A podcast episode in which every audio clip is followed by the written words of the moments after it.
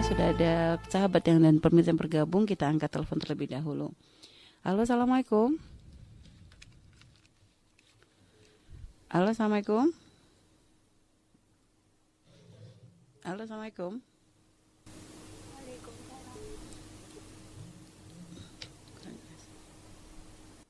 Iya, dengan siapa di mana?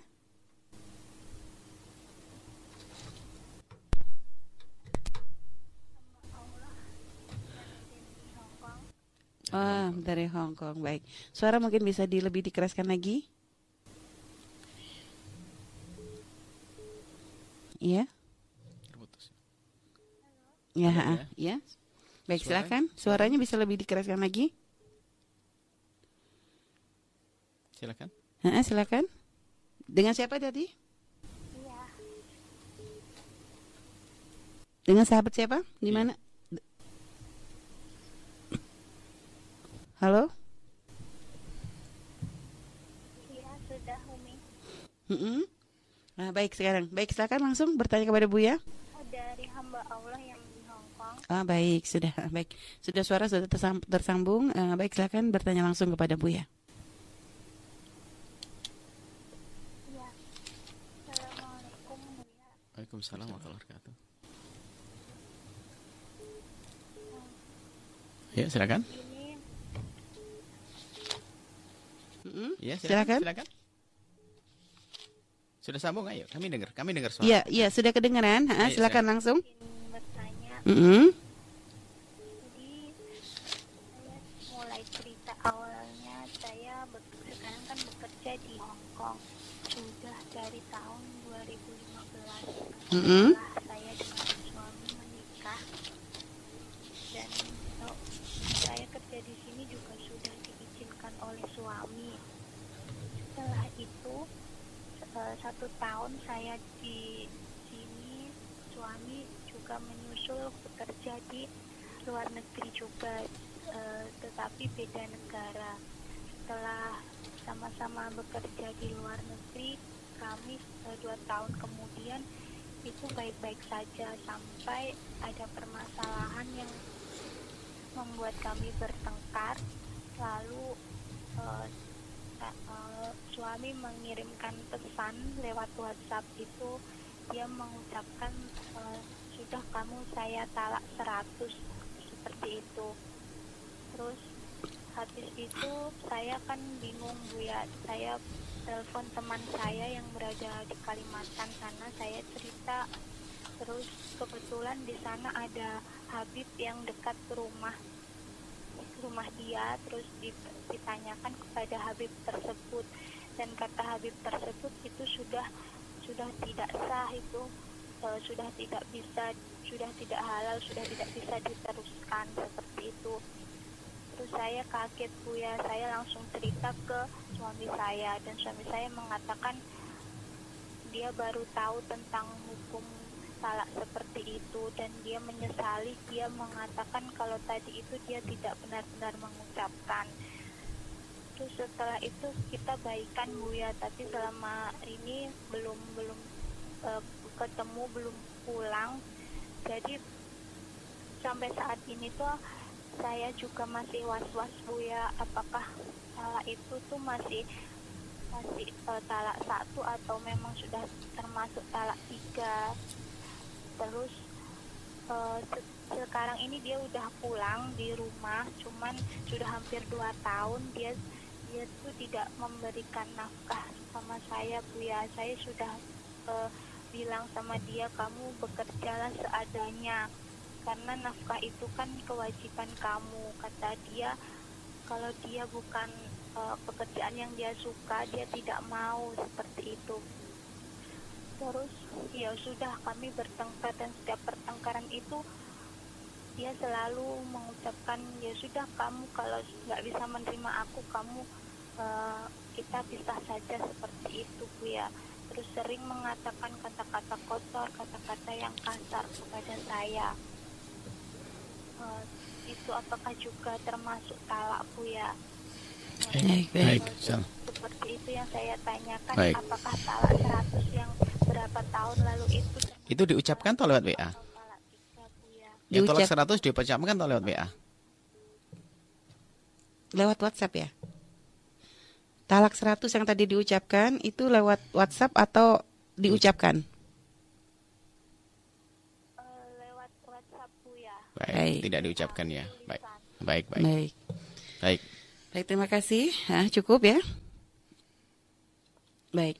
Baik, Buya, silakan langsung untuk menjawab ya. Yang pertama nasihat untuk adik kita ini yang di Hong Kong dan yang sepertinya Mm-mm.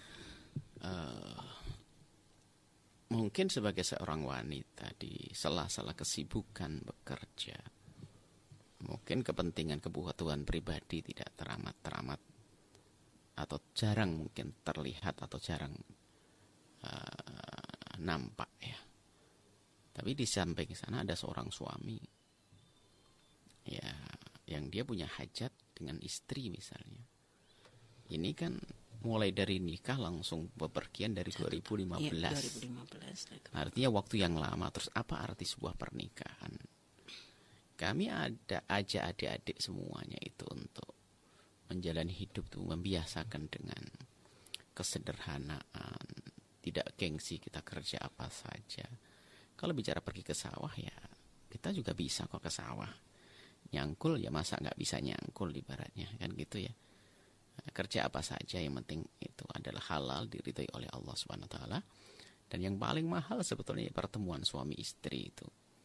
Ini yang kadang menjadi kadang di saat sebagian orang itu terlena dengan gaji, dengan ambisi untuk punya rumah, ambisi untuk punya kendaraan sehingga dia lupa kemesraan dan keindahan itu. Sehingga kadang berpisah dengan pasangannya bertahun-tahun ini sebetulnya hati kecilnya menjerit. Cuman kadang lupa di saat dia bekerja lagi, jerit bekerja. Tapi di sisi lain di sana seorang suami yang subhanallah ya. Nah, dia juga punya hajat yang ah, sangat pribadi ini. Maka eh, kami himbau eh, nasihatkan kepada adik-adikku semuanya.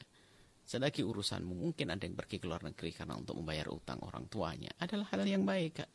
Tapi seharusnya harus dibatasi segera untuk kembali apalagi sudah punya pasangan.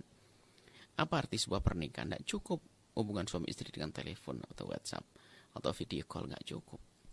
Harus ada pertemuan.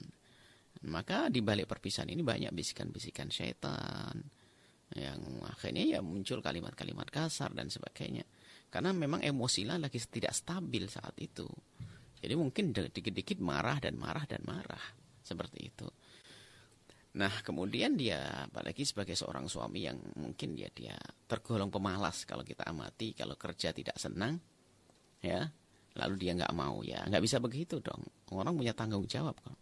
Biarpun tidak senang pekerjaan tersebut tapi demi tanggung jawab dia harus mau dong. Nah, kemudian juga dia punya kalimat kotor dan sebagainya dan sebagainya. Artinya dari kalau kita membaca ini ya anda sendiri sudah menilai dia adalah dengan negatif akhirnya tidak negatif itu makanya anda pun juga mungkin tidak teramat-teramat rindu deh. Kan begitu ya? Ya makanya anda juga bertahan lama di sana karena ya mungkin yang anda sampaikan ini kan dari dari versi anda.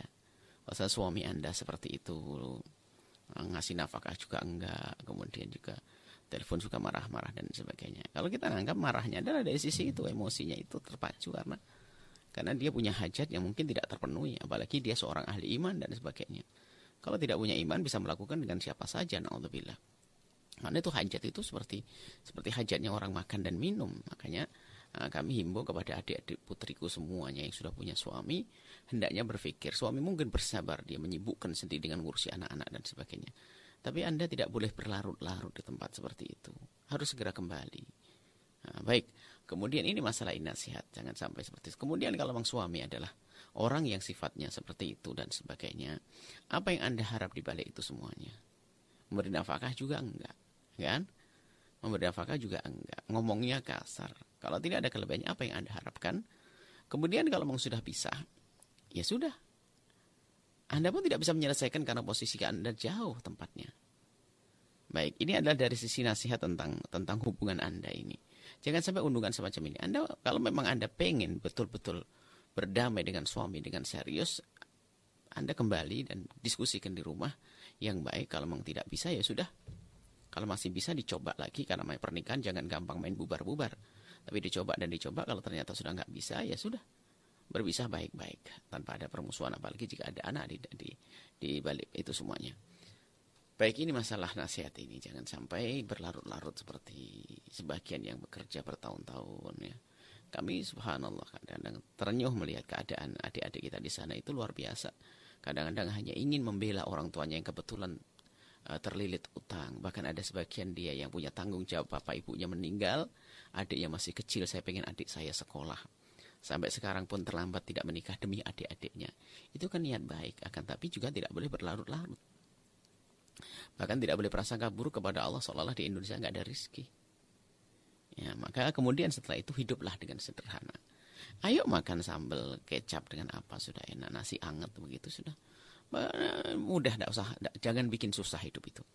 Adapun masalah perceraian itu kalau perceraian orang mencerai itu lebih dari dari tiga itu yang dianggap hanya tiga karena nggak ada cerai kecuali dari tiga Adapun di al-madhab kita im jumhur bahwasanya siapa pun yang mencerai tiga. Jadi gini, siap, yang jelas kalau lebih dari tiga dianggap hanya ti, tiga. Nggak ada cerai empat atau lima, enam, seratus juga nggak ada.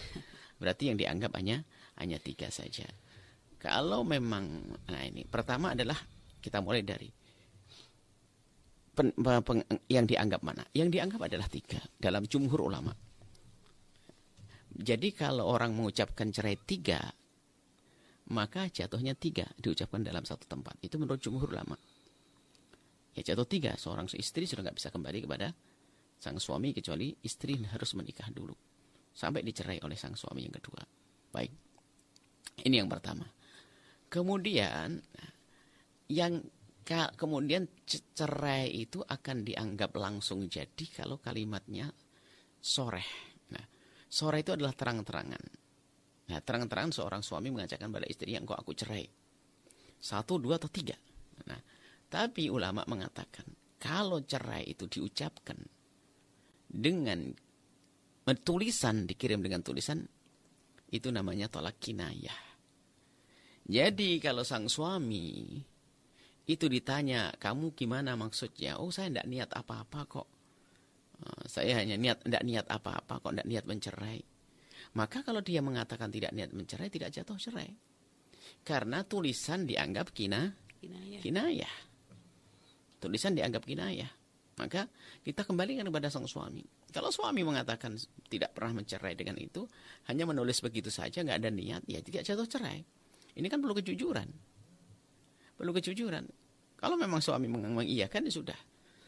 Ini jadi Nah, adapun Habib yang tadi yang menjauh itu barangkali cara menceritakan ke Habibnya bukan seperti tulisan. Artinya suamiku sudah mencerai gitu.